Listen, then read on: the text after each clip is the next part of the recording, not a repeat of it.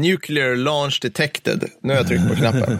Nuclear launch detected. Nuclear warhead approaching. Det var väl NOD i Command and Conquer? Va? Är det så? Var inte de där läste? Ja, men jag tror, tror det var det.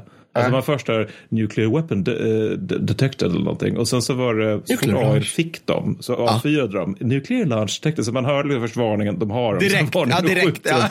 ja. Och sen så var liksom hela bas borta. Man själv fick sitta och liksom trösta sig med Ion Cannon Just det. Just det. Ja, just det.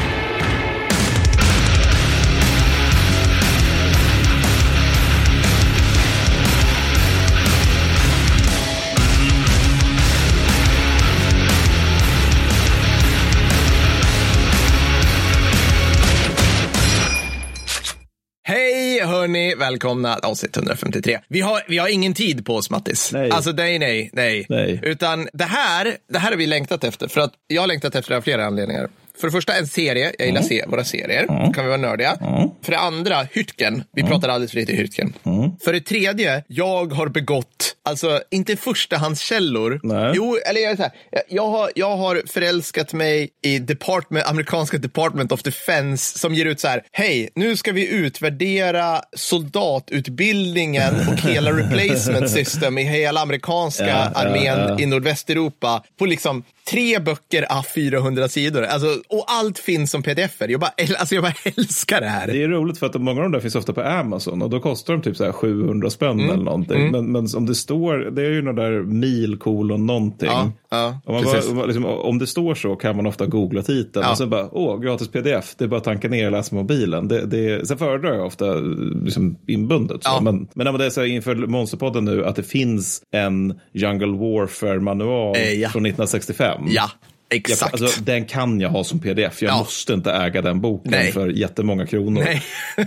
Nej, men liksom, ju mer jag upptäcker att USA har såna här grejer, desto mer förbannad blir jag på att jag måste, liksom, om jag ska lära mig om liksom, Försvarsmaktens syn på, vad ska vi ta, eh, trosskompani till exempel, då måste jag sitta och så här, dra i liksom, mina personliga kontakter och liksom, men du vet, alltså, det ska vara så jäkla hemligt allting. Jag fattar inte, vi betalar skatt, det borde bara vara så här, allt som, försvar, ja, men så här, allt som Försvarsmakten producerar, Ja. som inte är liksom så här bra är Gripen egentligen. Det här heter alla i drabantkåren mm, so, slash Soggen. Ja, du vet, alltså dödshemligt. Här är koden till FRA på Lovön. Alltså sådana saker.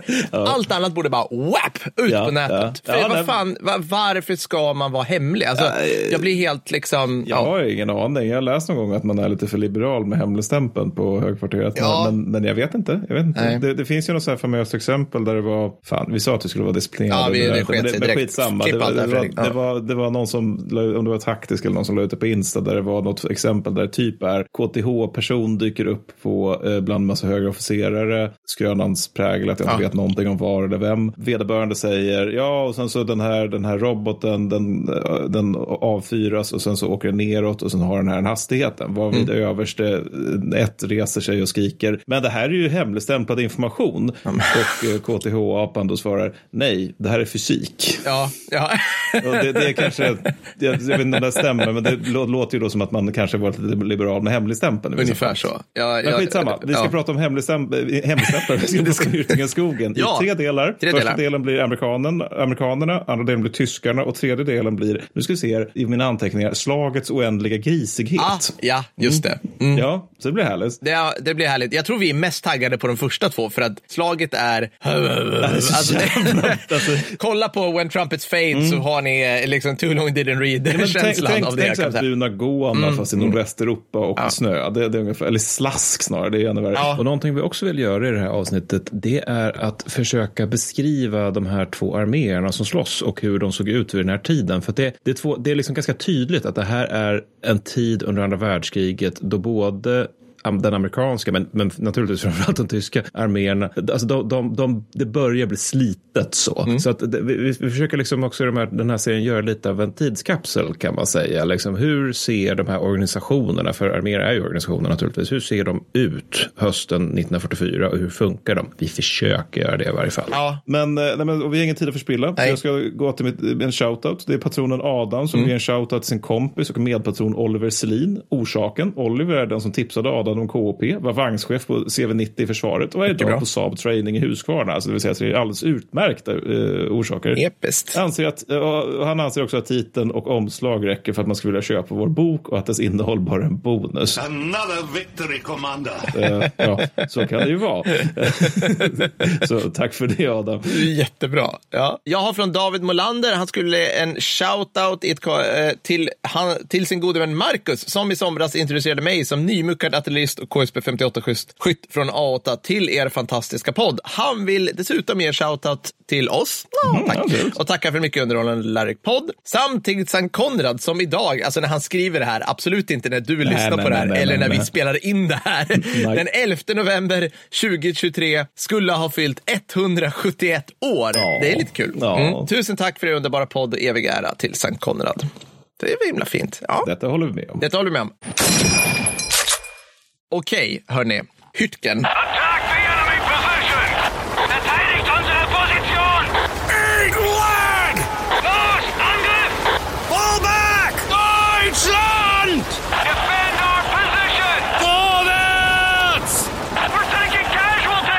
Alltså jag, i, så här, i och med att den här podden blir allt mer och mer meta och jag är mm. fanbärare för all form av militärbyråkrati så kommer i min del nu, mm. ska jag säga, bli extremt lite medeltunga bandmatade kulsprutor eller explosioner. Alltså, väl, utan jag kommer snarare prata om så här, hur, hur tänkte sig amerikanska armén att man skulle truppförsörja eh, sig själva mm, i krig, mm, helt enkelt. Ja, jag, tycker, jag ska börja citera Stephen Ambrose som skrev boken Citizen Soldier och bland annat Band of Brothers, tror jag. Japp, det är han. Ja, mm. han, han skrev eh, i Citizen Soldier om eh, ersättningssystemet mm. som, som amerikanska armén använde i nordvästeuropa då, så under tiden vi ska prata om. Hade den tyska krigsmakten fått fria händer att konstruera ett system som på effektiva sätt skulle sänka moralen och dugligheten hos den amerikanska armén så skulle de inte kunna göra ett bättre jobb.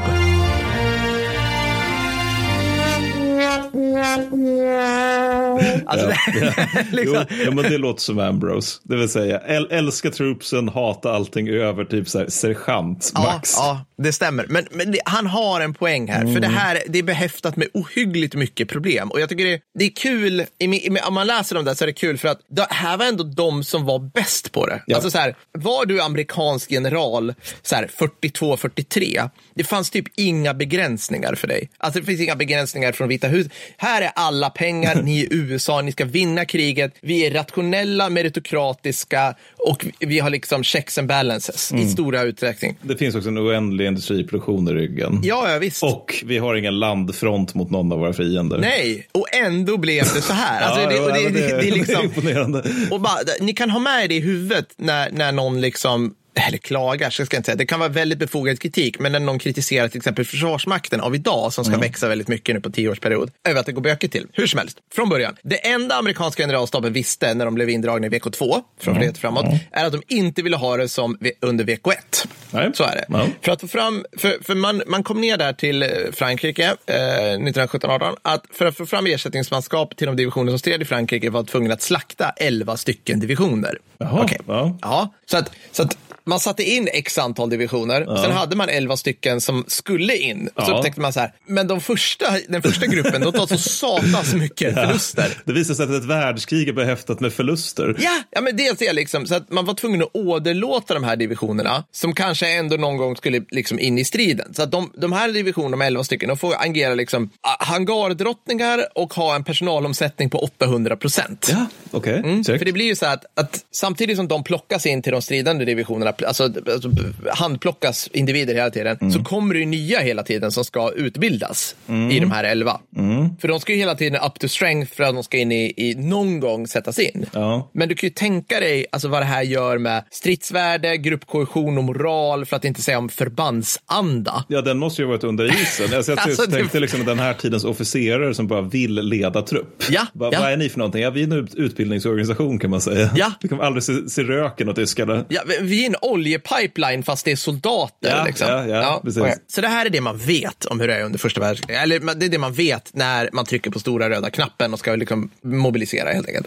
Annars Matti, som du var inne på, har man full, verkar man fullkomligt ha glömt bort vad strid innebär för förband från bataljon och uppåt. Ja, man, men, men, men, trots att alla generaler nu under VK2 var ju då, ja, men vad ska man säga, bataljon, kompani, bataljon, regementschefer under VK1. Man har totalt glömt bort det här. Man har möjligtvis en vag aning att infanteridivisioner kommer behöva fler skyttesoldater än kockar. Ja. Men ända fram till operation Torch, Ja. alltså landstrid i Nord Nordafrika, den dittills största amfibieoperationen i världshistorien. Ja. Ja, så jobbade rekryterings och utbildningsenheterna hemma i USA med inställningen att vi måste leverera soldater i samma omfattning som under fredstid.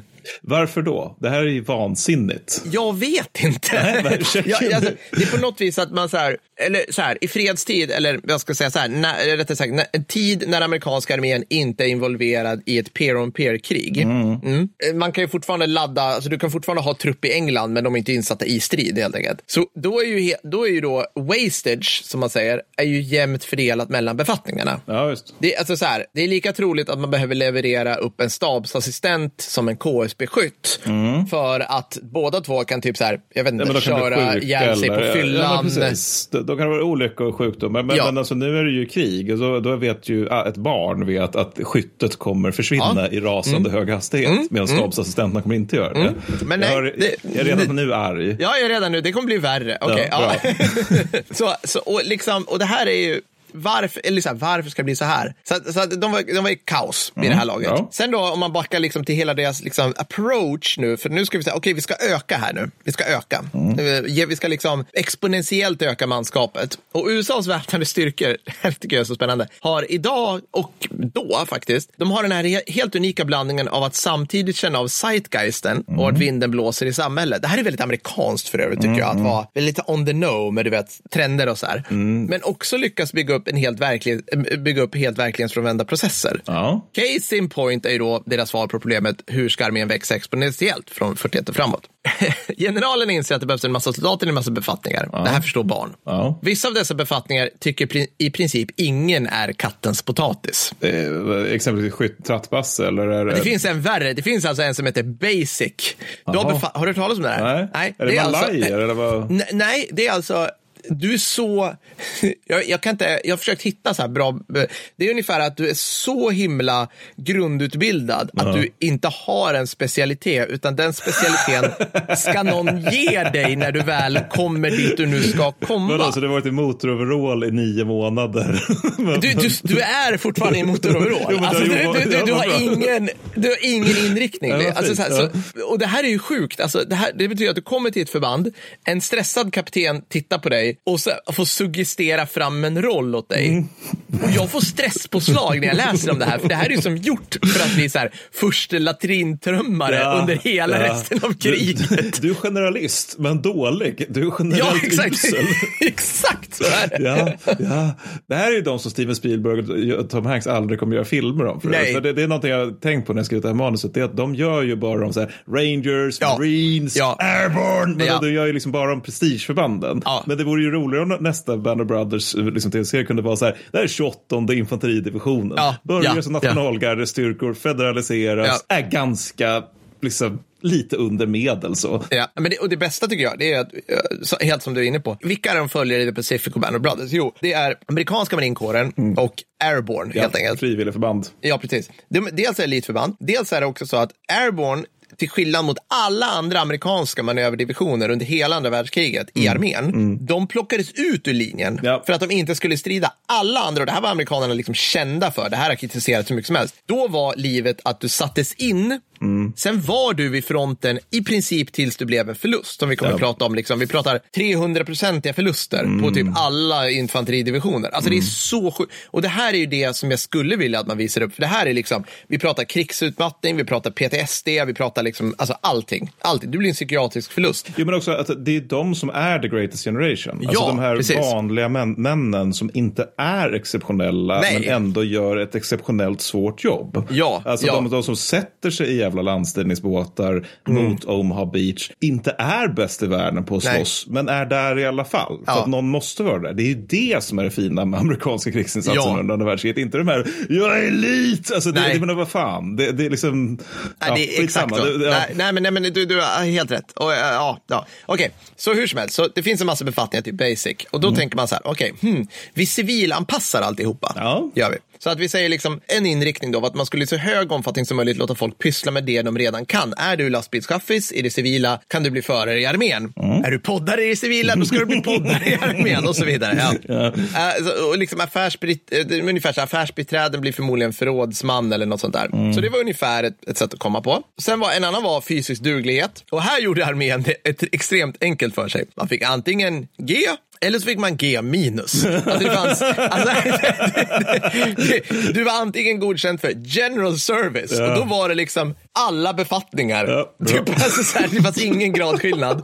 Eller så fick du typ någon så här limited service och då var det typ, alltså jag vet inte. Du, har, du saknar en fot liksom, men det kommer ändå vara här. Ja, ja, visst. Liksom. Så okej, ja. Och sen fanns det ett begåvningstest och det här hette någonting, någonting på militärbyråkratiska, strunt samma. Testet, testet gjorde att du sorterades in i klasserna 1 till 5. Där 1 var liksom holy shit, snubben är smart och 5 var på riktigt, det här insåg man senare, du är en fara för dig själv och andra och du ska under inga omständigheter hantera vapen. Sätt honom i artilleriet. Ja, men alltså fick du fem, det var liksom inte så här, nej men då, du kan gå ut här, vi håller dig i handen tills du lämnat kontoret. Utan det var så här, det, det finns ju roller du kan lösa. Isn't it grand? Ja, ja, ja. Tyckte då de på kontoret och sen kommer de ut på ett förband.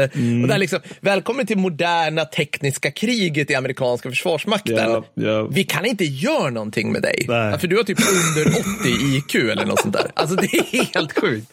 Okej, och resultatet av de här, den här väldigt eh, osnäviga fysiska testandet och begåvningstestet, det här gör ju att eh, väldigt stor vikt läggs vid intervjun. För, alltså, för att till skillnad mot vad vi tror om amerikanska armén kanske vid den här tiden, så är det väldigt lite, det är väldigt lite fyrkantigt, utan det är verkligen så här, ja men vad vill du göra? Så här, för att de flesta passar in på det här. Det, det som händer då, det är att armén, eller så här, problem ska vi säga, armén behöver ju nu som, som vi redan har listat ut jättemånga eh, individer i stridande befattningar. Säkert bland folk som går åt, det vill säga gruppchefer, underofficerare och officerare, men också jättemycket skyttesoldater. För detta krävs individer som har god fysisk status, är tillräckligt intelligenta och anlag att leda folk. Ungefär Ja, så. ja, ja. Men ett direkt problem som man upptäcker det är att alla stridande befattningar har i princip inga som helst civila motsvarigheter. Det vill säga det som, det som amerikaner på rekryteringskontoren mest lägger vikt Ja, vid. men det, var, det var det jag satt och tänkte på när du nämnde det. Alltså att, hur gör man då med skytte? Alltså, tar man då de jägare? Nej, men, liksom- Exakt så här, är du, är du en bergsguide? ja, säger en av två Ja, miljoner precis. Det amerikaner exakt. där. Det, det, det är Bra, det det ett ja, urbaniserat samhälle så det kan ju inte finnas liksom, så många bergsguider, Nej. skärpas, jägare, jag vet inte, liksom huvudjägare i Appalacherna. Nej, men hur många jobbar som jägare? Jättefå. Alltså, den, den som är ute och skjuter rådjur på helgen, han har ju inte det som jobb. Nej, det har han inte. Och då säger ju han såklart inte det, för att han kanske fattar så här, "Ah, men jag, vill, jag tycker det är mycket smuttare att sitta på ett kontor eller ett varmt tält under det här kriget. Ja. För att skyttet har jättelåg status, även alltså amerikanska skyttet. Sen Mm. marinkåren, de lyckas liksom, gö- precis då som nu, göra bättre reklam för det, eller bättre liksom, Mm. employer branding kan man säga. Så då säger han, nej, ja, jag, jag, jag, jag jagar ju, men jag vill ju, nej, så här, nej, men jag, jag jobbar som eh, förman på ett bygge. Ja, men bra, då blir du kanske någon så ingenjör eller något sånt där. Ja. Så att du inte riktigt läng- längst fram. Okej, så att det, det är ett problem. Och dessutom är det så att de som liksom täcks av det här Venn-diagrammet ovan som ni ser framför er nu, liksom fysisk status, ledarskap, tillräckligt brighta, de har sisådär en 2000 andra möjligheter i USAs väpnade styrkor. Ja. Så det är nu vi kommer till att olika vapengrenar stjäl individer av varandra. Just det. Just det, ja. Några grejer då, till exempel flottan, så här, amerikanska armén, de, de säger så här, ni får inte eh, anställa folk eller drafta folk eller någonting som är under typ 18 eller 19 år. Det där ändras lite successivt. Jag tror det är först är 20 och sen går det ner till 19 och 18. Amerikanska flottan och, och marinkåren, de får typ drafta 17-åringar. Ja, marinkåren är 17 års gräns vill jag minnas. Ja. Mm, Jag tror typ så här, flottan, de, de har säkert du vet, så här, messboy som är 14. Du skulle få dem med det minsta vid den här tiden. Vad är det det heter? Powder monkeys. Ja, precis, att de plockar ju de här äh, kanske grädden av moset redan innan de ens kommer i fråga om armén. Så det är en grej. Sen är det också inskrivet i lagen att man ska få tillfälle att gå på college istället för att bli mobiliserad. Alternativt, du har blivit mobiliserad och bara, nu vill jag ansöka till college. Och eh, du står där och bara, jaha, men du, ja, okej, så du lämnar nu? Ja, jag lämnar, hej då, försvinner till college. Liksom. Ja, ja. Och det, det är ofta nog de som kanske skulle bli bra underofficerare som hamnar där också, tänker jag. Det är exakt det som är problemet. Att, och jag vill bara säga, liksom, om man säger så här, hur högt var trycket under första halvan av kriget på befolkningsunderlaget? För man kan ju ändå tänka, USA hade väldigt många människor på den här tiden. Ja, under 1942 bara, då aktiverade man 38 nya divisioner. Det är många divisioner. Det är många divisioner. Och under 43, 17 till. Så det är väldigt mycket folk som ska bli soldater. Men, jag vill bara säga apropå stjäla av varandra nu då. Gökungen i boet, alltså arméns Judas. Ja. Det, var, och det, här, det, här tror jag, det här tror jag börjar hatet nu mellan de här försvarsgrenarna som jag nämnde. Det är arméflyget, det som kommer bli, ja, det som kommer bli US Air Force. Ja. för, d- när, för när Joe Bergvall, Ja, ja. McJoe Bergvall Ja, kliver in på ja. rekryteringskontoret. Det, det du ser då, om vi säger 42, 43, det du ser är mängder av affischer på heroiska piloter som pangar ner tyskar och japaner till höger och vänster. Foldrar trycks i din hand med alla fördelar som du får om du söker till arméflyget. Ja. Okej? Ja. Mm. Visst, du kan tröska dig fram genom leran och skiten i Nordafrika och Italien men, och kanske få leda en pluton, för du, du är förmodligen lämpad till det. Eller så kan du spaka en vacker flygmaskin på dagarna, landa hem till den lokala puben med söta, eller ja, nåja, missionssnygga brittiska flickor vid din arm och dricka bitter på kvällen och Ja, tjäna ja, mer. ja. Vad väljer du? Du behöver inte sitta och frysa i ett värn någonstans. Nej, liksom. nej. Och du, liksom många andra, väljer arméflyget. Nu, nu är grejen så här, att de har rätt låga inträdeskrav, men sen kommer liksom selection till att bli pilot som är rätt hård. Så du, du söker och du, liksom många andra, eh, kvalar inte in Nej. i pilotutbildningen. Nej. Och i alla vettiga världar så hade, hade man tittat på dig och bara, eh, jaha, nej men det är okej, men du, då blir det skyttet för dig då. Liksom helt enkelt. Men på det här, nu blir det så istället så att nu är du hos arméflyget. Ja. Och det de gör då, det är att de tittar på dig och bara, eh, nej, han kan inte, så här, han fixar inte att bli pilot, men han kan lätt platsa som förrådsansvarig vid något flygfält i England. Welcome to the Army Air Force. Just det. Förstår just det. Mm. Och det, där kanske man hellre vill ha de här liksom, nivå 5 begåvningspersonerna. Så, eller? Exakt, så, så, så den här lilla, ad, lilla administrativa habrovinken gjorde att det kryllade av stabsassistenter, förare, handläggare, signalister, förrådsmän, hjälpmekaniker med mera som hade kunnat tjänstgöra i vi- vitala befattningar inom infanteriet och snabbare vunnit kriget med färre förluster. Ja, ja visst. visst. För, för, för, och det här är ju en grej, det här är ju det tråkiga, alltså, alltså människor med låg intelligens och dålig fysik, de blir i större utsträckning förluster. Japp, japp. Det vi- visas ju i Vietnam när de har det där McNamara's Morons. Som, Exakt, exakt, precis. Eh, Så återigen, ja, alltså tyskarna och japanerna hade inte kunnat designa det här bättre.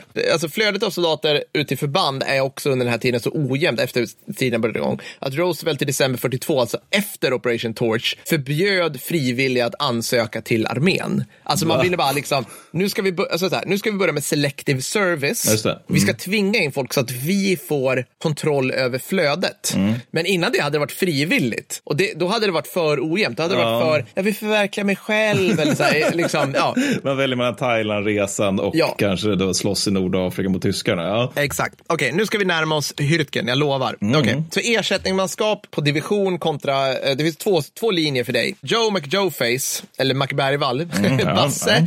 i slump, eh, slumpmässigt utvald division i Hürtgen. Nu ska vi se. 78 väljer jag där. Mm. Den var där. Mm. Okej.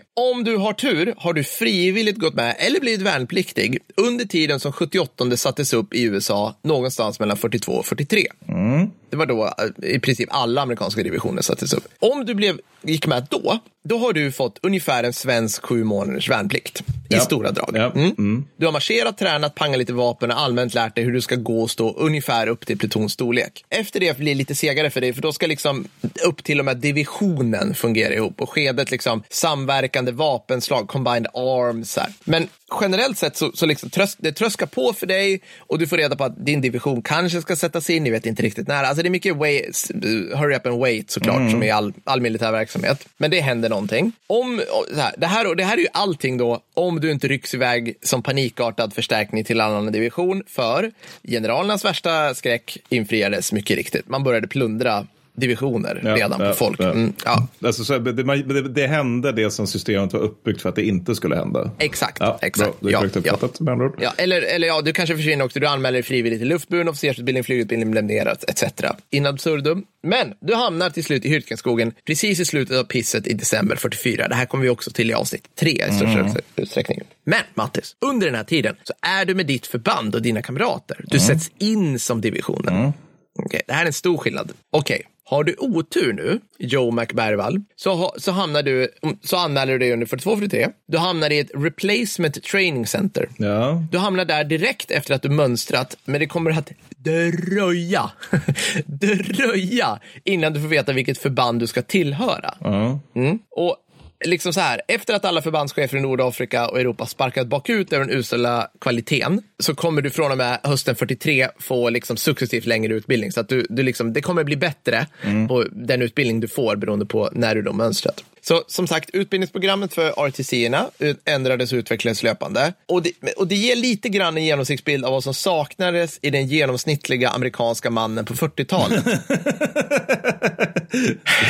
Fysiken var sådär. Ja, okej. Alltså det, det är kassa tänder, Ja, det är check. krumma ryggar, det är plattfota. Alltså det är så här, minimum fy, fysisk fostran under de 17 veckor de hade de förberedande på. 17 veckor var liksom maxlängden som det blev sen efter de utvecklade, var 36 timmar.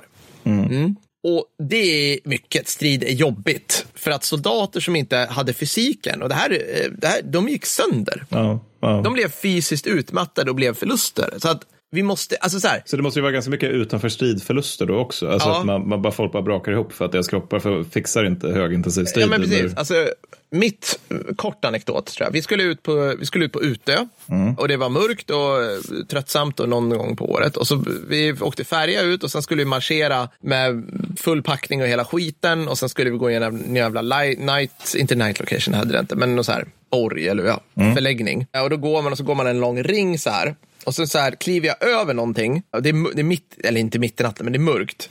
Jag kliver över någon jävla, någon har lagt sin jävla berghouse bara ner. Jag bara, fan, så här, kliver över den. Och så kliver jag på något mjukt och så tittar jag ner och då har jag klivit på en hand. Nej men gud. Då Ja. är det en kille i min grupp som har liksom typ svimmat. Oj, jävlar. Ja. Mm. Han har bara svimmat och jag bara, äh, panik.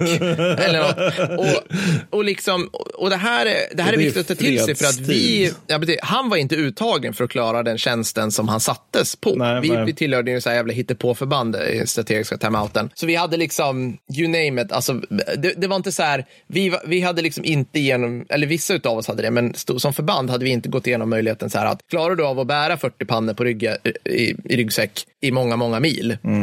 Nej. Nej, nej, nej, nej. nej, det är många som fick nej på den kan jag säga. Ja, Ja. Precis, och det, men återigen, och det var ju i- liksom i fredstid under planerade förhållanden där ingen skjuter på er. Nej, precis. Vi hade alltså gått, alltså vi hade inte rört oss speciellt länge, Nej. men någonting, någonting pajades. Ja, och visst, han blev ju då en förlust som måste tas hand om. Liksom. Det är inte hans fel. Och det här är ju nej, liksom nej, det, nej, det, nej. det är ett systemfel snarare. Ja, precis. Men, men det, angående 40-talet, Mm. så jag tycker när man läser sådana här saker, då kan man verkligen begrava den här myten att man på något vis blir så här fysiskt kärv och uthållig av att vara fattig. Ja, n- För det är mm. det de var. Ja. De var Ja. fattiga. De hade fått dålig mat, Ja. undermåligt käk, slitit i något så här skitjobb om de hade tur. Ja. Alltså, du vet, cigg och sprit. Liksom. Precis, ja, visst. visst. Nej, men det, det är en intressant myt just eftersom liksom, extrem fattigdom borde ju då leda till extrem tuffhet. Ja, ja. Men om man ska peta leder ju extrem fattigdom till svält Ja. och undernäringssjukdomar. Alltså det behöver inte vara så illa för de här knäktarna, men det är liksom om man ska ta Mm. resonemanget till sin yttersta spets så är det ju så. Ja, men det måste ju vara så. Man tittar liksom bara, ja, ryssarna är kärva för de är, de är fattiga. Mm. Det måste betyda att de här underviktiga somalierna som vi ser på tv, Ja, du vet, ja. de måste ju de, shit, vi kan bara hänga på, de borde ju vara sogg. Vi är liksom bara uppväxt egentligen. Ja, men de var typ tuffa liksom. Mm. Ja, hur som helst. Så att du får, vi, alltså, det blir successivt bättre Mm. för dig, McBergvall. Men trots det så kommer det fortfarande vid krigsslutet dyka upp soldater som inte kvalificerat sig på sitt huvudsakliga eldhandvapen. Ja, check. Alltså det kommer dyka upp skyttesoldater som bara, okej, nu ska du ingå, du tillhör grupp, pluton, bla, bla, bla, bla, bla. Ja, ja, eh, jo. Eh, den här då? M1 jag håller i, hur funkar den?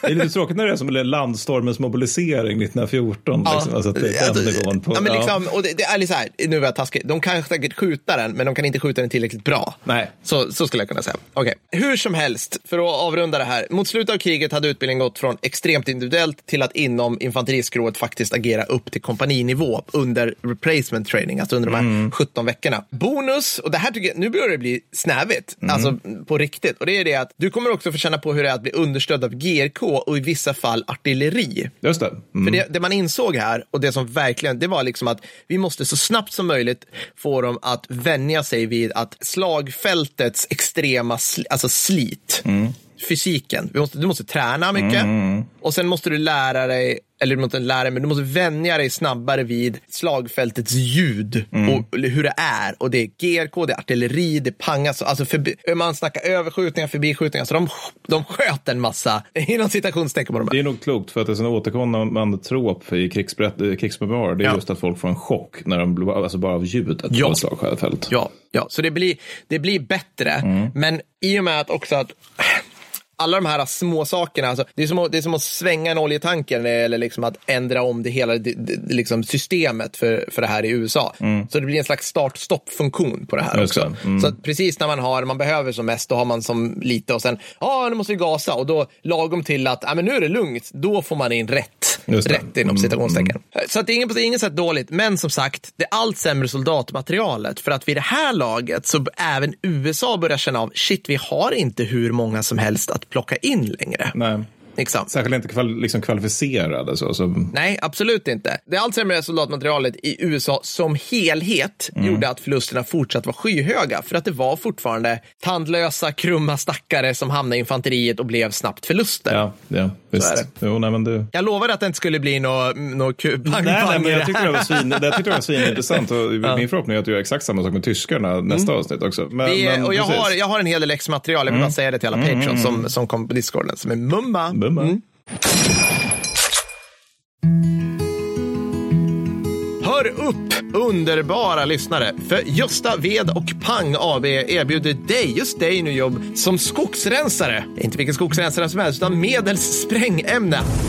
Han påstår att han har snackat ihop sig med skogsägare, oklart, snubbe han träffar på krogen, där ni kan få panga loss. Och lönen då eh, för dig består av virket som du fäller och kan bära bort. Vad är det för grejer ni ska använda? Det ska jag berätta. Gösta kör med ett sprängämne som hette M1, någonting oklart. Eh, ett lager av detta hittade han under en av sina utlandsvistelser. PGA-konflikt med Skatteverket. Fråga inte så mycket. Mattis, du har väl löst vinterns vedförsäljning genom att panga lite träd i Rönningeparken nu va? Jajamän. Ja, ni hör. Passa på!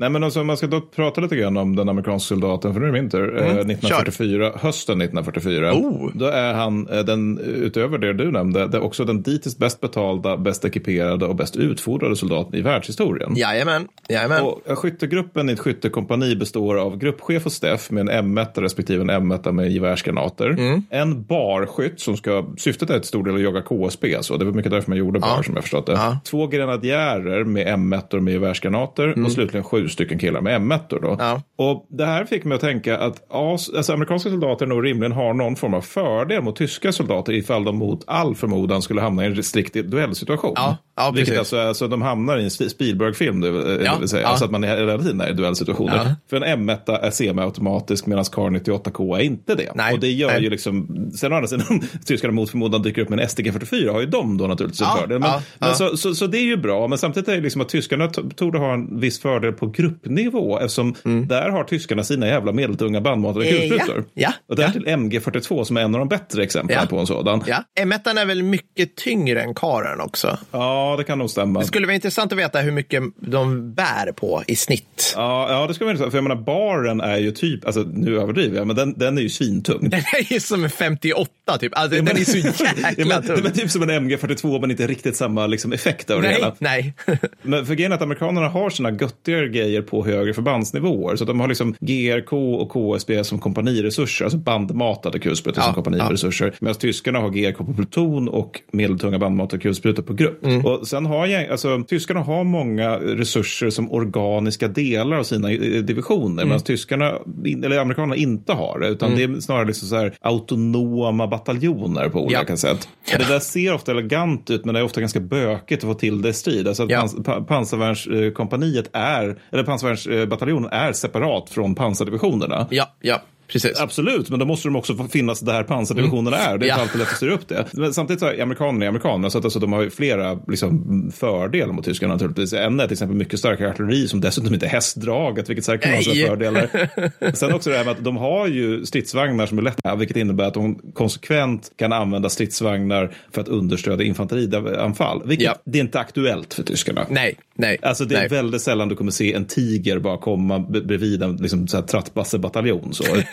Men det har man sett på bilder, tycker jag, mycket. Mm, alltså jo, så här, Men alltså, det förekommer säkert från och till, men, men, men det är just att de, de används inte på det sättet. Tyskarna gillar att koncentrera sina vagnar på, Ja, liksom, ja. Till, till, till absurdum nästan. Och när det gäller, du pratar lite grann om utbildning. Och då, alltså, någonting jag noterade när jag läste om det här det är att många amerikanska soldater, alltså skyttesoldat kommer vara bekant med sin M1. Ja. Men inte nödvändigtvis med sin KSB. Nej, så att de är, de är liksom, jag är den här, jag är liksom den här kuggen så. Ja, Jag ska kunna ja. skjuta en M1 och det, det är det liksom. Ja. Och sen då relevant för Hurtigenskogen det är att man har ganska låg nivå på utbildningen i strid i skog. Ah. Och det, det är ju liksom, det är inget konstigt med det för de tänker sig manöverkrigföring över stora öppna ytor och sådär. Ja, ja. Men just den här typen av pissig nordvästeuropeisk skog det, som de kommer vara i Hurtigen, det är inte liksom det är inte riktigt det man, man har liksom inte lagt någon större tonvikt på det. Alltså det, det är först den 31 oktober, det är alltså mitten av september som Hurtigen-slaget inleds. Mm. Först 31 oktober så utfärdar, utfärdar 28 infanteridivisionen det här de kallar för Notes on Woodfighting Ja. utifrån 9 infanteridivisionens erfarenhet. Men det, det där får jag bara skjuta in det där. Ja. Det där är jätteintressant att du säger det. För att är, de här uh, replacement training centers som Mm. jag nämnde, de, är ju, de blir ju bättre och bättre kriget går. Och till slut är ju de snäviga soldatfabriker. Där, de, där man, och man lägger mycket vikt vid att utbildnings och övningsdelarna av dem är så väl utvecklade. Mm. Alltså, tänk, tänk värnsystemen på gardet.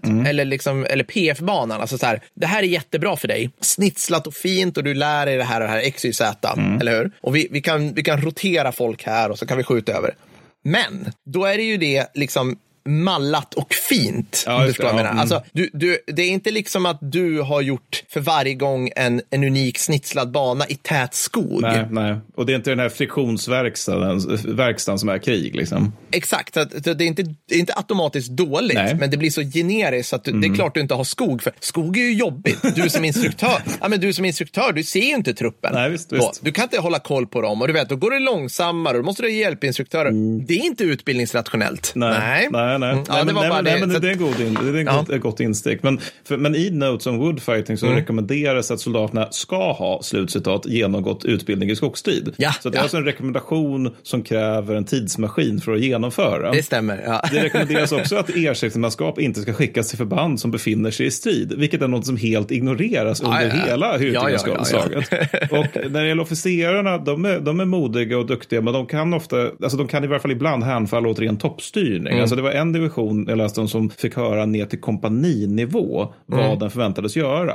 Alltså av en general som bara, ja men det där kompaniet ska göra så, det kompaniet ska Ja. göra så. Det är inte så uppdragsaktigt så. Nej, varför var det så? Nej, men alltså ga, ga, gammal vana egentligen. Alltså, det, det, det har vi pratat om det tidigare, men alltså, tyskarna är ju ute på ena axeln av vad det gäller uppdragstaktik under andra världskriget. Och ryssarna är typ på den andra. Men alltså Ja. amerikanerna och britterna är ju någonstans där i mitten. Ja. Liksom. Och det, Ja. det, de, de är inte, de är, alltså, de är inte den, de har, har inte riktigt den där initiativdoktrinen. Alltså det är inte så att de är inkapabla till initiativ, utan de, de, de har liksom inte riktigt doktrinen som uppmuntrar till det. Nej, nej. Och inför då att man börjar trö- tröska sig fram mot, mot, mot ren då, då, då förväntar sig eh, amerikanerna väldigt begränsat motstånd. Alltså inför ren och längs ren. Och det är liksom på grund av det alla vet, att, att tyskarna är slagna. Ja, ja, ja, Problemet visst. är att de som inte känner till det är ju tyskarna. Hemma till jul, grabbar. Jaha. Hemma till jul. Ja, det, det är just det. Alltså, Det är ganska intressant att läsa om. För de, de, de, är ju alltså, de har ju just vunnit Normandie. Och sen så har det bara varit den här liksom champagneyran som genom hela Frankrike. Där Paris befrias. Liksom, hela den grejen. Så att stämningen i amerikanska armén är väldigt mycket kriget är slut, det är slutspurt kvar. Och sen finns det ju mer tankfulla amerikanska soldater som förstår att när tyskjävlarna är på sin egen mark då finns det ju en risk att de slutar springa sin väg och faktiskt stannar och slåss. Men det ses liksom som ytterligare ett skäl att storma skiten ur dem så att man inte ger dem någon respit. Ja.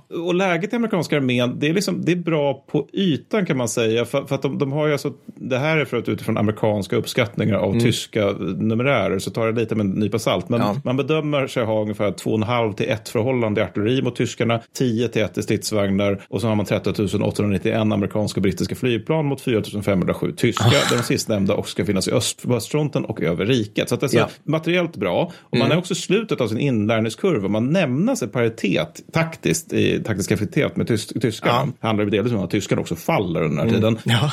Och man har också en avsevärt högre strategisk effektivitet. Ja. Men samtidigt är det här med att många problem, äh, förband är väldigt slitna. Alltså som ett exempel så att tredje pansardivisionen, amerikanska då, ska ha 232 tri- stridsvagnar. Mm. Ja. Men de har 75 som är fit for fight. Och det här är ju sånt som vi är vana vid att höra, du vet så här, Cherkassy 44, liksom, något som heter en pansardiv- pansardivision är egentligen liksom spridda kompanier som inte någon soppa. Men de, alltså just inför det tyskarna kallar Westwall, alltså försvaret av Ren, lite liksom liknande skavanker just i amerikanska förband Mm. Hur kommer också. det sig det när de tillverkar så fruktansvärt många M4? Mm, vi kommer komma till det. Eh, men, men, men och även liksom manskapet också slitet. Ja. Och ingen Oh vill ju dö sist heller. Alltså ingen, vill, ingen vill vara den sista som dör även om det är ett segerrikt krig. Det kan man ju förstå. Så det börjar bli ganska tungt när man närmar sig Westfall. Då. Man har liksom svårt att tränga igenom ganska svaga tyska förband. Och en viktig orsak är det här som du frågade om. Det vill säga, man har problem med att fram, få fram materiell på grund av problem med logistiken. Ja. Någonting jag aldrig trodde jag skulle säga om amerikanska Nej. krigsmakten, men Nej. så är fallet. Och orsaken till det är att man har en utmärkt fungerande hamn, men den är i Cherbourg. Ja, Det precis. är väster om invasionsstränderna. Mm. Det är en jävla sträcka mellan Cherbourg och Ren. Ja. Och sen finns det lite andra hamnar som man håller på att aktivera. Man får ut lite grann ifrån kanske. Men det är Cherbourg som är liksom den som verkligen, den här funkar rakt Mm. ut så. Man hade ju hoppats på Antwerpen där under Market Garden, men det sket sig. Ja, det blev ju lite sisådär med Ja, det. ja. Så att, I min alltså jag fattar det som att de, vi i det här laget fortfarande håller på liksom med sina tillfälligt uppbyggda pirer i liksom Normandiestränderna, Säkert, säkert. alltså faktiska invasionsstränderna. Då ska du alltså avlasta på en sandstrand Ja. och sen ska du på byvägar Ja. i liksom halva Brittany eller vad fan det heter. Sen man Liksom. hoppas att Red Bull Express går som det ska och så Ja. vidare. Eh, Men för, för grejen är att man, man har liksom haft, det är lite lustigt där, men man, man har liksom haft en plan för logistiken och det, det har varit en sak. Och sen Ja. så har framryckningstempot post Normandie varit en helt annan. Alltså att man har, man har egentligen ryckt på för snabbt. Mm. Så att det, liksom, I Normandie har man problem med planen att där liksom bara dyker upp jättemycket grejer som förutsätter att vi ska ha liksom redan marscherat en bra bit där, Mm. Medan man fortfarande är fast i bocage. Men så här är det omvända problemet, att liksom, Mm. nu, nu är vi för långt ifrån våra försörjningscentra. Ja, och, och vi har inga vettiga hamnar närmare som vi hade räknat med att vi skulle ha haft vid det här laget. Exakt, nej, nej, exakt. Och, så, så, så det, sen man får ju fram saker, men det går mycket trögare än vad Mm. man vill och, vad, och liksom, det går mycket trögare än vad amerikansk krigföring baserad på. Ja, och sen får man fram fel manskap vill jag bara säga också. Ja, ja, självklart. Som alltså, det, jag hittade någon sån 20, 23 amerikanska infanteridivisionen. Bara, vi vill ha, vi vill ha 32, eller så här, vi vill ha, vad fan var det? Vi vill ha 132 clerks, Mm. vill vi ha nu under den här tiden. Vi får 3742. vi vill ha 3542 skyttesoldater. Vi får 1200. alltså, det är ju- liksom, hej och hå, liksom. Där får man göra lite kampgrupp över hela Ja, man får göra det, ja. men, men sen när man kommer till Västvall så blir det ganska ofta på grund av de här logistikproblemen back to VK1. Liksom. Ja, ja. Eh, och det här ger då tyskarna tid att stärka upp, vilket amerikanerna inte märker av på grund av att kriget är typ är slut. Ja, Alltså ja. det, det är en viktig grej där, att man verkligen är övertygad om att kriget är egentligen slut. Det här är bara Ja. liksom dödsrosslingarna från Nazityskland. Så tyskarna ty- trycks tillbaka in i Hürtingenskogen då, och, och amerikanerna vill till, till floden Ruhr, jag tror Mm. man uttalar den så, för att komma ut i det öppna landskapet bortom floden och därefter så ska det bara vara en jubelmarsch mot Berlin. Men.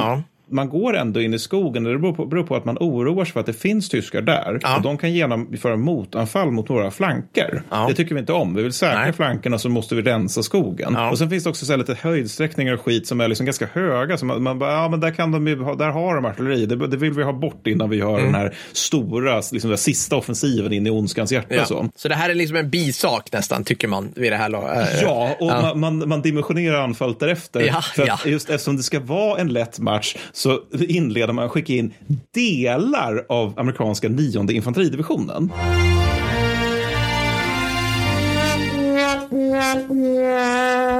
Delar av, okej.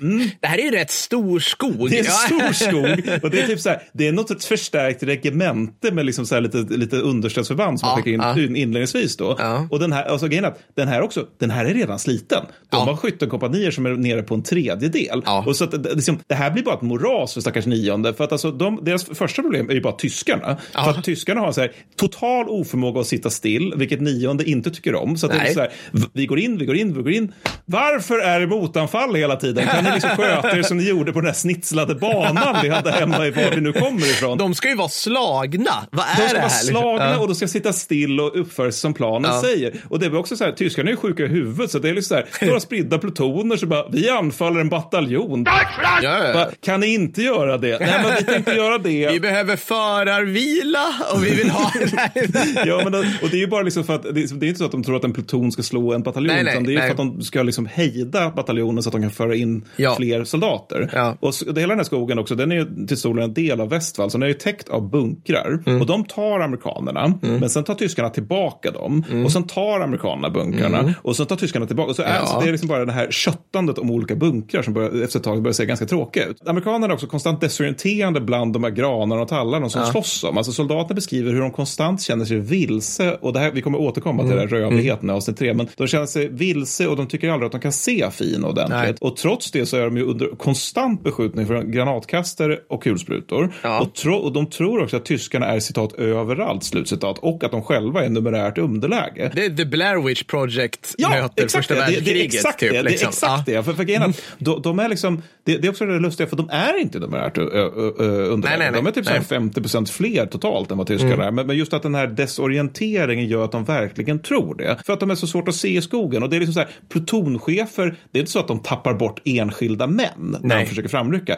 De tappar bort grupper. Ja, ja, ja. Där, där det är liksom bara, vart tog grabbarna väg? Ingen aning. Nej. Och så, jag menar, det måste ju vara så, det måste ju vara så ensamt också. Mm. När du väl har liksom grävt ner dig. För du ska ju ha utspritt och liksom, two, liksom ibland two man foxholes, men du kanske inte får, får ihop i stridsparen. Så då, då ska det vara fem meter minst till nästa grupp. Fem meter i tät granskog. Ja. Alltså, det, du, du har ingen aning. Du är Nej, själv. Du är själv i en jävla skog. Tyskarna är någonstans Mm. framför dig. Alltså, Ja, men det var, två, det var åtminstone två författare som hade varit med om det här som Mm. beskrev hur de beskrev det som en Hans och Greta-skog. Alltså att de beskrev det, a wood from our, our, children's, our childhood's fairy tales, Mm. något åt det hållet. Alltså att de- tycker det är jättekonstigt. Men alltså, n- nionde tröskar på in i oktober, den kommer egentligen ingen vart. Och amerikanerna kan nu gå förbi skogen och blockera dess ut, utfarter, men de väljer att inte göra det på grund av fortsatt oro för tyska motanfall. Ja, ja. Usel rek- rekognosering leder att tyskarna ofta upptäcks när amerikanska manöverförband blir beskjutna av dem. Amerikanerna är också beroende av stridsvagnar och pansar- pansarvärnskanonvagnar för bunkerbekämpning, vilket är ett återkommande problem. Ja. Men också ett återkommande problem är ju det här med att de här fastnar på grund av träd som har fällts över vägar,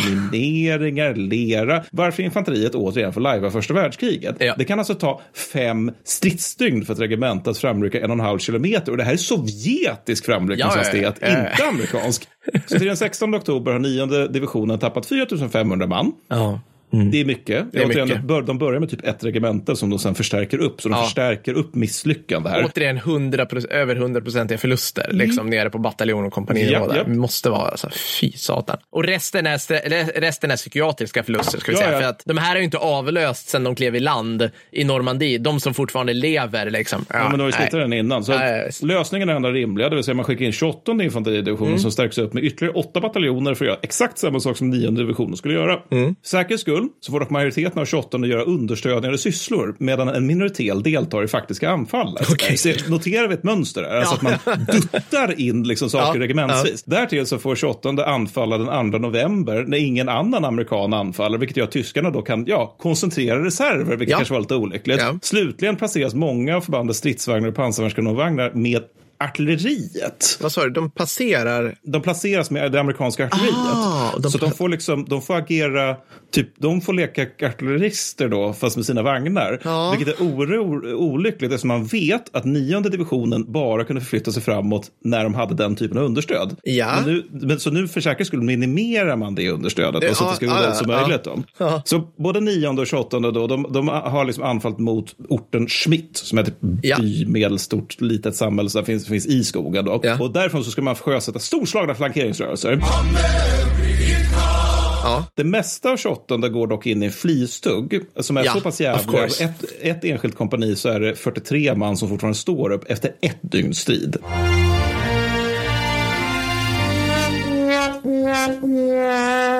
Det är alltså ett kompani som bara, det försvinner, det är en pluton kvar. Man tar ändå dock en del terräng vid byn Hürtigen och en bataljon lyckas rent av liksom ta Schmidt utan motstånd. Och Det gör man den ska vi säga, 3 november tror jag det var. Och det är jättebra. Gratulationer skickas ut över hela 28. Det är storslaget, vi har gjort det den 9 inte kunde. Nu är det bara liksom raka vägen mot Berlin pojkar. Peace, freedom, and bacon and eggs. Problem ett, bataljonen som har tagit Schmidt gräver knappt värn utan hänger i, i byns hus. Då. För att de är kalla bassar och vill vara liksom det är inomhus. utomhus. Ja, man vill, man ja. vill vä- värma sig, det är Ja, därför. ja. Och det är som från till där någon NCO som sparkar på den, då går man liksom så här lite, lite pliktskyldigt ut och kanske gräver lite grann, men sen går man in och värmer sig vid brasan igen. Problem två, de rekar inte för att se om det finns tyskar i närheten. Nej. Problem tre, tyskarna har redan förberett ett motanfall med Ja. pansarregemente från 116 pansardivisionen. Problem fyra, tyskjävlarna klipper på mor- morgonen den 4 november alla amerikanska telefonlinjer med sitt artilleri och Ja. radion var det ingen som orkade med. Nej. Problem fem, när tyska motanfall kommer, då finns panter där. Ja, Det okej. är ett jätteproblem om du är amerikansk infanterist utan stridsvagnsunderstöd, Ja, vilket ja, de här ja, är. ja. Ergo börjar ryktet, ganska, när tyskarna då kommer, ganska snabbt sprida sig inom den här bataljonen i Schmidt att det har getts en reträttorder.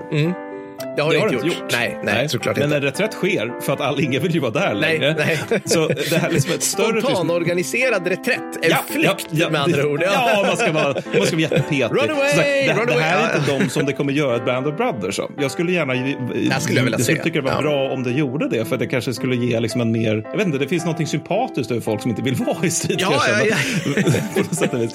Men så, så det följer ett, ett större tyskt motanfall Mm. och mycket riktigt så tar, tar tyskarna tillbaka allt som 28 erövrat. Mm. Och det här är så nära 28 divisionen någonsin är att ta Schmidt. De amerikanska soldaterna flyr sedan kompanivis under dagarna som följer. Mm. Vid ett tillfälle ger det merparten av en bataljon som Mm. bara, vi springer. Är, man är inte så van vid att höra om det när det gäller amerikansk trupp, eller hur? Nej, nej, verkligen inte. Nej, Verkligen och vid inte. ett tillfälle inleds också spontan flykt utan att tyskarna ens anfaller. Ja. Alltså att man bara, de bara får för sig någonting. Bara, Hur dålig är inte moralen då? Hur, Alltså, den är ju fullkomligt kollapsad. Ja, va? ja. Det, vi kommer ju som sagt, vi, vi kan ju liksom hinta lite grann om att stridsförhållandena inte är fantastiska. Nej, men de nej. bidrar. Men Ja. något annat som bid- bidrar, det är också att till den 8 november har 28 och tillhörande bataljoner tappat, nu ska vi se, 6184 man. Det är så här typ en veckas strid där de bara hoppsan hejsan, en brigad plus är borta. Så, så, så då liksom, det här går ju inte. Så att eh, fjärde divisionen får skicka, skicka in sitt tolfte regemente då för att rädda 28. Återigen, ett regemente. Eller ja, Ja, ja, mm, självklart. Vi tar ett regemente i stöten så vi spär på våra förluster så bra som möjligt. För, för våra ersättningssystem fungerar så jävla Ja, bra. ja, ja. Det, här, det här undsättningsförsöket resulterar i att två kompanier inringas från Mm. fjär- 12 regementet. Två andra kompanier, de bara haha, bryter igenom som undsättning. De inringas också. Så 12 regementet, de tappar sex- 1600 man på lite över en vecka. Det är alltså ett regemente. Jajamän. Det är, inte, det är inte så stort. Alltså 600 förluster är ganska mycket. Då. Och det regnar så pass mycket att när man ska förbereda ett nytt anfall för det första infanteridivisionen så försenas det med en vecka. För att det är för jävla lerigt. Ja, Men ja. till den 16 november då sätter man till slut igång. Och då jävlar, det är första infanteridivisionen. The Big, Red, One. Jajamän, I praktiken ett elitförband. Elit. Elit, hela divisionen, allihopa. Jajamän. Men också, de här är så, alltså, de har en så stark förbandskultur och så stark kåranda att de har liksom haft samarbetsproblem med andra amerikanska förband på till exempel Sicilien. Alltså det är så här, äh, vi tänker inte, vi kan inte, liksom, ni, är inte ni är inte första divisionen. Nej, liksom. nej, nej. Och så, men de är också den mest rutinerade divisionen i amerikanska armén. Ja. Alltså, dessutom har logistiken kommit igång nu, så liksom artilleriet står hjulaxel mot hjulaxel. Det är härligt. Mm. De är dessutom en del av sjunde kåren som har liksom ytterligare infanteri och pansardivisioner i ryggen. De, har, de bedömer själva att de har en styrkefördel med 5 till 1 mot tyskarna. Det är bra. Det är bra, allt det här är jättebra. Mm. Allt är jättehärligt. Syftet med anfallet är återigen slå sig igenom Hürtigenskogen för att nå ö, öppna landskap. Det vore jättehärligt Ja, om vi kunde ja, göra det. ja. Nästan 10 000 ton bomber släpps från över 4 000 allierade bombplan innan anfallet över städer kring Ruhr och, och i och kring skogen. Då. Ja. Det praktiska är dock att man sprider ut det här över så pass stort område menade att det får viss, men inte betydande Nej. effekt. Alltså, tyskarna Nej. tyckte det var speciellt kul. Det är, liksom, det är några kompanier som får en liksom, direktträffar Ja. av bomber Ja, ja. och upphör att existera. Men det är inte, det är, det, alltså, 10 000 ton bomber är inte så mycket om man bestämmer sig för att släppa det över hela jävla Västtyskland. Nej. Alltså, det, det, är inte, det blir liksom lite utspritt då. Men, och sen bara sjunde kåren avfyrar 52 000 granater från 694 artilleripjäser. Det är jävla eldfest. Ja. Infanterianfallet inleds 12, 12, eh, 12.45 och tyskarna är fortfarande där mycket Ja, riktigt. ja, ja. Så efter fyra dagars strid har första infanteridivisionen tagit någon kilometer, förlorat tusen man på kuppen. Ja, Så att de ja. förlorar ungefär en man per meter de tar. Isn't it grand? Mm. Inte jättehärligt. Nej. Här bryter en epidemi av skyttegravsfot ut och det här är förmodligen också för ett ren stridsutmattning Ah. delvis. Att folk säger att jag har immersion foot, Ja. men i själva verket är att mitt sinne är liksom en kollapsad ruin Ja, just nu. ja. Jag kan inte ta mer den här skiten. Jag orkar inte mer. Nej, det nej. går inte. Nej. Och det nej. är fullt begripligt, för det är piss i Oh ja. ryggen. Så, och, och i det här stora anfallet så sätts även våra vänner från 12 regementet in. Ah, just ja, det. Ja, de som redan har förlorat 1600 man, de ska nu in igen i den här köttkvarnen. Pigga, pigga och glada. Ja, ja, ja, det, kom igen nu grabbar. Liksom nya, nya friska tag. Mm. Så de slås ju i spillror på grund av helt lealösa efter tidigare liksom, suboptimala upplevelser. Vilket jajamän. återigen, det är fullt begripligt. Ja. Vad fan tänker man när man sätter in de här? Så det här, men de tillhör ju fjärde infanteridivisionen. Så det, den lämnas nu med två regementen. Så de sätts nu in på bred front i skogen. Mm. Ja, där kommer de ja. Ja, så nu är det åtminstone två som anfaller Ja, tillsammans. ja, men helst ja. hade man ju velat ha tre så att det är en hel division. Då. Ja. Och exakt som med nionde och 28 infanteri, infanteridivisionens anfall och i linje med detta så anfaller fjärde divisionen över tidigare stupade amerikaner. Vilket Ja. säkert är jättebra för moralen. Ja. Det är så pass jävla lerigt att stridsvagnar inte kommer fram. Det är så fall jävla blött att Bangalore, alltså du vet de här härliga grejerna som vi lärde oss i Saving Private Ja, Ryan, vad det ja, är för någonting. ja. De fungerar inte, de exploderar inte för det är för jävla mycket väta ute i den här skogen. Ja. Vilket innebär att det är nog ganska trist att sova här ute. Ja. Tanke så. Ja. Va, va, jag måste bara skjuta in, bara, vad härligt att vi pratar om pissiga stridsförhållanden som de allra flesta av oss kan sympatisera 1000 procent med. Ja, ja, precis. Alltså det vill säga att granskog, ja, men såhär, svenskt klimat. precis, liksom minst precis. hälften av året. Blött, ruggigt satans kallt. Några Slask. plusgrader, slaskigt. Åh. Ja, ja men det är exakt det. åh, alltså, tänk, ja. Kära lyssnare, om du tänker de absolut sämsta stunden under din värnplikt, då är det det här. Det är exakt det de håller på med. Ja. Då. Så eh, fjärde infanteridivisionen tar någon, någon kilometer på fyra dagar, tappar 2000 man för besväret, Såklart. varav 500 utanför strid. Och då är det ju inte fylla, olyckor och sjukdomar, utan Nej. det är framförallt stridsutmattning det handlar Ja. om. Då. Och nu, nu händer det som vi alla väntat på. Det är nämligen nu det är dags för åttonde infanteridivisionens tur. Ja, den får, just den det. får er- Ja. ersätta 28 för Ja. 28 de är fortfarande kvar i skogen efter liksom över 6000 förluster. Ingen vet vart de är. De Nej, är bara, nej, det var bara att tappa bort sig. Liksom. och, och, och precis som samtliga andra amerikanska infanteridivisioner som sätts in i skogen så kommer bara en del av åttonde anfalla. Mm. Resten ska syssla med annat, till exempel försvara fronten eller liksom vara kring skogen och tycka att det är lite härligt. Sådär. Mm. Och ingen verkar liksom någonsin ha tänkt att en fulltalig division krävs för att rensa den här jävla skogen. Nej. Så åttonde gör det givna, de tappar 600 man i strid på några dagar, lika många utanför strid för att återigen det är piss i skogen. Ja, Och ja. resultatet är försumbart eh, eh, avancemang. Om någon tycker att det här är tjatigt Mm, så ja, jo, det var det nog på plats också kan jag säga. Men till 20, 26 november lyckas man till slut, till slut, för fackens slut, ta byn Hürtgen. Ja, ja, check. Bra. Nu undrar jag liksom, om, om, om, liksom, om du tänker så här, man tog Berlin, Ja, man tog Paris. ja. Tyskarna tog inte Stalingrad. Nej. Tror du att liksom där, man tar byn Hürtigen, att det är liksom i paritet med den här typen av så här kataklysmisk, nära nog avgörande händelse? Men jag, jag, tror, jag tror så här att vi, vi, vi pratar om städer, att man tog stad X eller by Y, Mm. för att det är, så här, det är skönt att hänga upp någonting på något.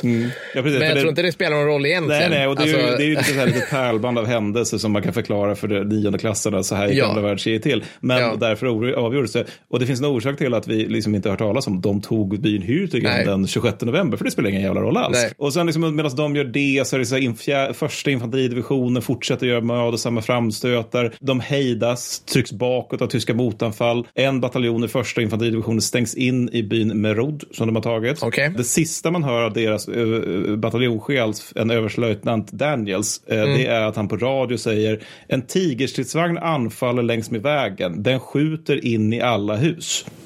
Sen är det ja. tyst. Ja. Sen är det, han är tre hus bort nu. Sen är det tyst. Och sen är det, här kommer han. Och sen är det final och evig tystnad. Så där försvann den bataljonen ur ett av de stor, stora prestigeförbanden i amerikanska armén. Och det här med Rhodes fall, det, liksom, det blev slutet för första infanteridivisionens tid i skogen. För man, liksom, man har satt jättestora hopp till det här förbandet av goda skäl. De är duktiga. Men då, och de har tagit fem kilometer, men, och det är, liksom, det är ju bra i sammanhanget. Ja, ja. Alltså, det är, då är fem kilometer jättemycket, men det leder ju ingen vart. För det, det finns jättemycket skog kvar att ta. Och det har kostat de här, eh, alltså, för, alltså återigen, den här faktiska prestigedivisionen, det kostar dem 4 500 stridsförluster plus ytterligare alltså 2000 förluster utanför strid på grund av det är pissigt, pissigt, pissigt i den här sko- skogen och folk orkar inte med. Så fjärde infanteridivisionen beskrivs i slutet av november som citat ett konglomerat snarare än en division. Ja. ja. Det är inte bra. Nej, det är inte bra. nej. Det, det är som, alltså, underofficerare eller eh, NCOs har slutat vara ett begrepp. Det är ett okänt begrepp i fjärde Ja. vid det här laget. Och mellan 16 och 30 november så tillfogas fjärde infanteridivisionen 4 053 stridsförluster och ytterligare 2 000 förluster utanför strid. Ja. Det innebär att man har tagit 2 000 förluster per mile man tagit. Ja.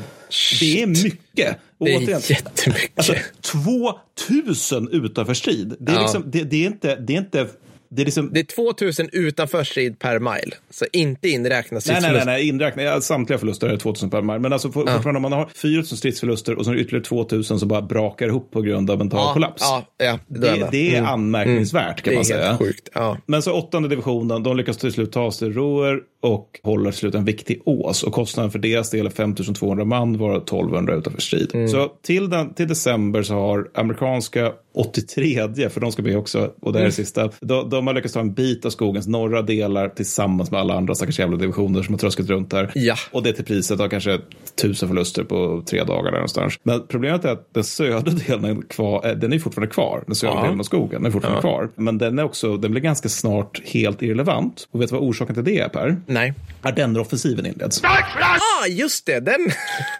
Det är ju lite av en förvåning när man bara, det är lugnt, de är, de är snart, vi är färdiga med dem, de är besegrade. Så bara, hoppsan hejsan, här får vi 80 000 förluster i knät. Eh, Äntligen den här förbannade skogen klar och sen bara smack. Ja. Mm, och det är ju inte klart till att börja med. Men, nej, men så summan för hela slaget är 33 000 amerikanska förluster, varav 9 000 är utanför strid. Alltså, helt under andra otroligt. världskriget så brukar amerikanerna inse att, anse att 10 procent av förluster utanför eh, strid är exceptionellt. Mm, Det här är avsevärt högre. Och som sagt, vi kommer att beskriva det här lite mer ingående. Vi kan, tree burst kommer vara en grej då. Men orsaken till varför det har gått så jävla trögt för dem, det är terrängen, Mm. det är nederbörden, det är leran, det är problem med logistiken, det är problem med den indirekta elden och därtill tyskarna hade nog någonting med saken att göra också. Just det. Och de kommer vi prata om i nästa avsnitt. Damn right. För det var Då, piss eh, där också kan jag säga. Det var piss där. Men glöm inte att vi har Hollywood pekar alltid att det är alltid amerikanerna som har det värst. Eh, nej, men, eh, tack Mattis. Alltså, ja, men vi kommer ändå få vara, vi blir lite mer wear- wearaboos nästa gång, tror jag. jag Kanske kommer vi nämna divisionerna. Det, det var Ja. inte bara nice där kan jag säga. Volksturm, kompetens, landstormsnävighet på alla, Jag alla har aldrig bakat av blandstorm. Det är fint Sverige vi har. Ja, fantastiskt. Okej, mina damer och herrar. Vad, vi, vad behöver vi säga mer här nu då? Vi vet inte vad det blir riktigt till 154 för det har inte röstat om än. va? Nu vet vi inte. 145 är för tyskarna, eh, då är det tyskarna i Hürtgen 2. Så att eh, ja, men vi kan lämna det vid det. helt tycker jag också. Det tror jag blir svinbra. Tack för att ni har lyssnat, för guds ja, skull. Ja, tack, tack. Jag var trög när jag gick in i där. Jag känner mig svinpigg nu och så är det allt när jag får prata med er kära lyssnare. Är här, Man blir alltid pigg av att prata Hürtgen. Alltid, pigg västfronten. Det blir fantastiskt. Diagnosrabbla divisionsnamn. Ja, ja. Bra. Vi hörs snart. Simma lugnt. Hej. Hej då.